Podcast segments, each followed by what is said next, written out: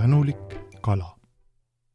ükskord ennemuiste, kaua-kaua aega tagasi, siis kui kedagi meist, kes me seda juttu praegu loeme, veel olemaski polnud, elas ühel kaugel maal veider pisitilluke Heideke, kes polnud sõrmestki suurem. ta tegi endale kodu siirupi kannu sisse.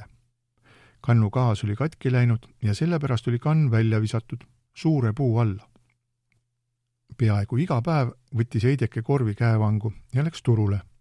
ühel päeval, kui ta oli ebatavaliselt näljane, kohtas ta meest, kes müüs elus kalu, šillingi eest väikesi ja kahe šillingi eest suuri.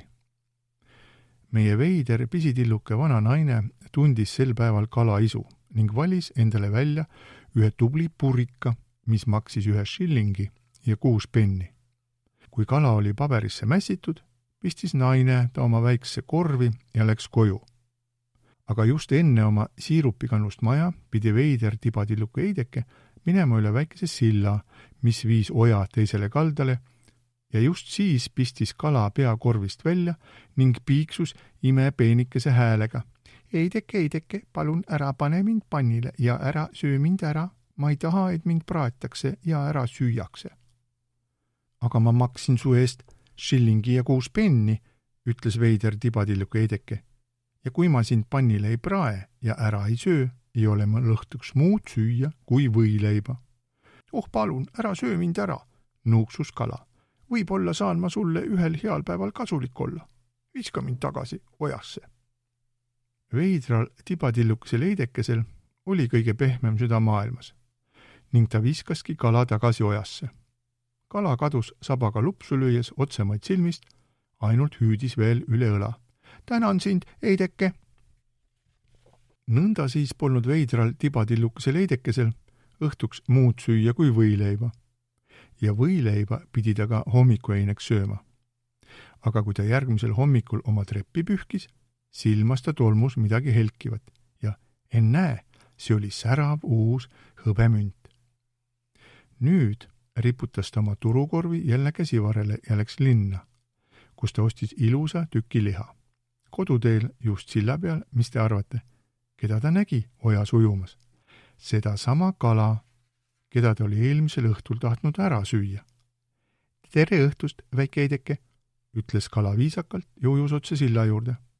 tere õhtust, kalaisand, vastas naine niksu tehes, nagu see nollpäevil kombeks oli ja suur tänu sulle hõbemündi eest, mis sa mulle saatsid. võta heaks, Heideke, ütles kala. sa tegid mulle eile suure heateo. saan ma ehk veel kuidagi sulle kasulik olla?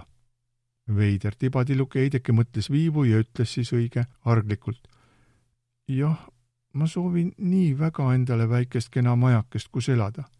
mu siirupikann on küll omamoodi väga hea, kuid seal on õige raske majapidamist korraldada mine koju, ütles kala, ja võib-olla läheb su soov täide. ja kui veider tibatilluke Heidek jõudis üle silla ning ümber teekäänaku, seisis puu juure kõrval, kus varem oli olnud katkine siirupikann, maailma kõige nägusam väike majake. peaaegu kaks nädalat oli väike Heideke oma uues majakeses täiesti õnnelik ja rahul. aga ühel päeval tuli talle mõte, et oleks tore kui ta kodu oleks pisi natuke suurem ja kui keegi elaks temaga koos. mõni tubli väike teenijapiiga, kes hoolitseks majapidamise eest ja oleks talle samal ajal ka seltsiks. ta lippas sillale ja vahtis vette, kuni silmas oma kala. kalaisand, kalaisand, hüüdis ta valjusti ja kala liugles naise poole. ta paistis olevat pisut imestunud. ma olen seda asja nüüd järele mõelnud, kalaisand, ütles väike Heideke. ja kuigi minu uus majake on täiesti ilus, oleks siiski kena, kui mul oleks natukene rohkem ruumi, äh, siis näed sa, võiksin ma sõpru külla kutsuda ja, ja ma tahaksin ka kena väikest teenijapiigat, kes aitaks mind majapidamises. oh, ütles kala, saan aru, olgu, mine koju, ma vaatan, mida siin teha saab. veider tibatilluke Heideke läks koju ta rutas suures ärevuses ja teekäänakult nägigi ta uhket maja ning korralikku väikest teenijapiigat, kes pühkis välistreppi. peaaegu kaks nädalat elasid nad õige kenasti.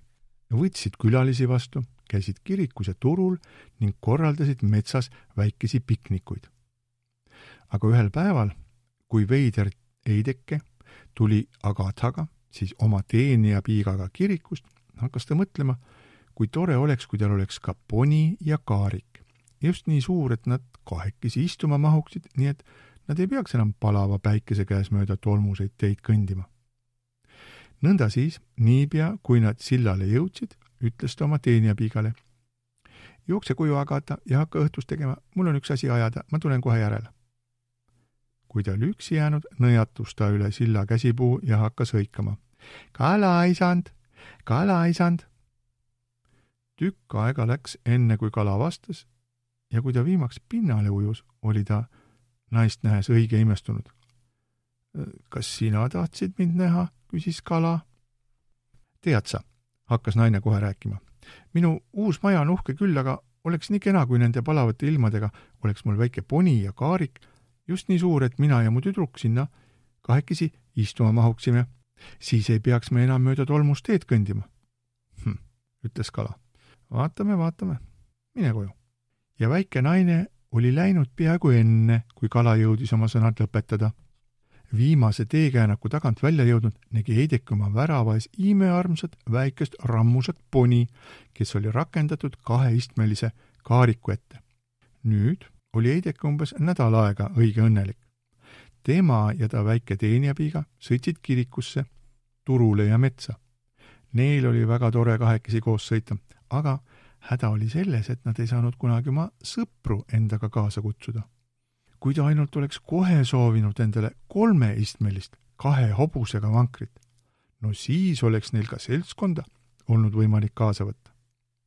ja jälle jooksis veider tibatilluke Heideke mööda teed otse oja äärde ja sealt sillale, ise igal sammul valjusti hõigates kalaisand, kalaisand, kalaisand, kalaisand.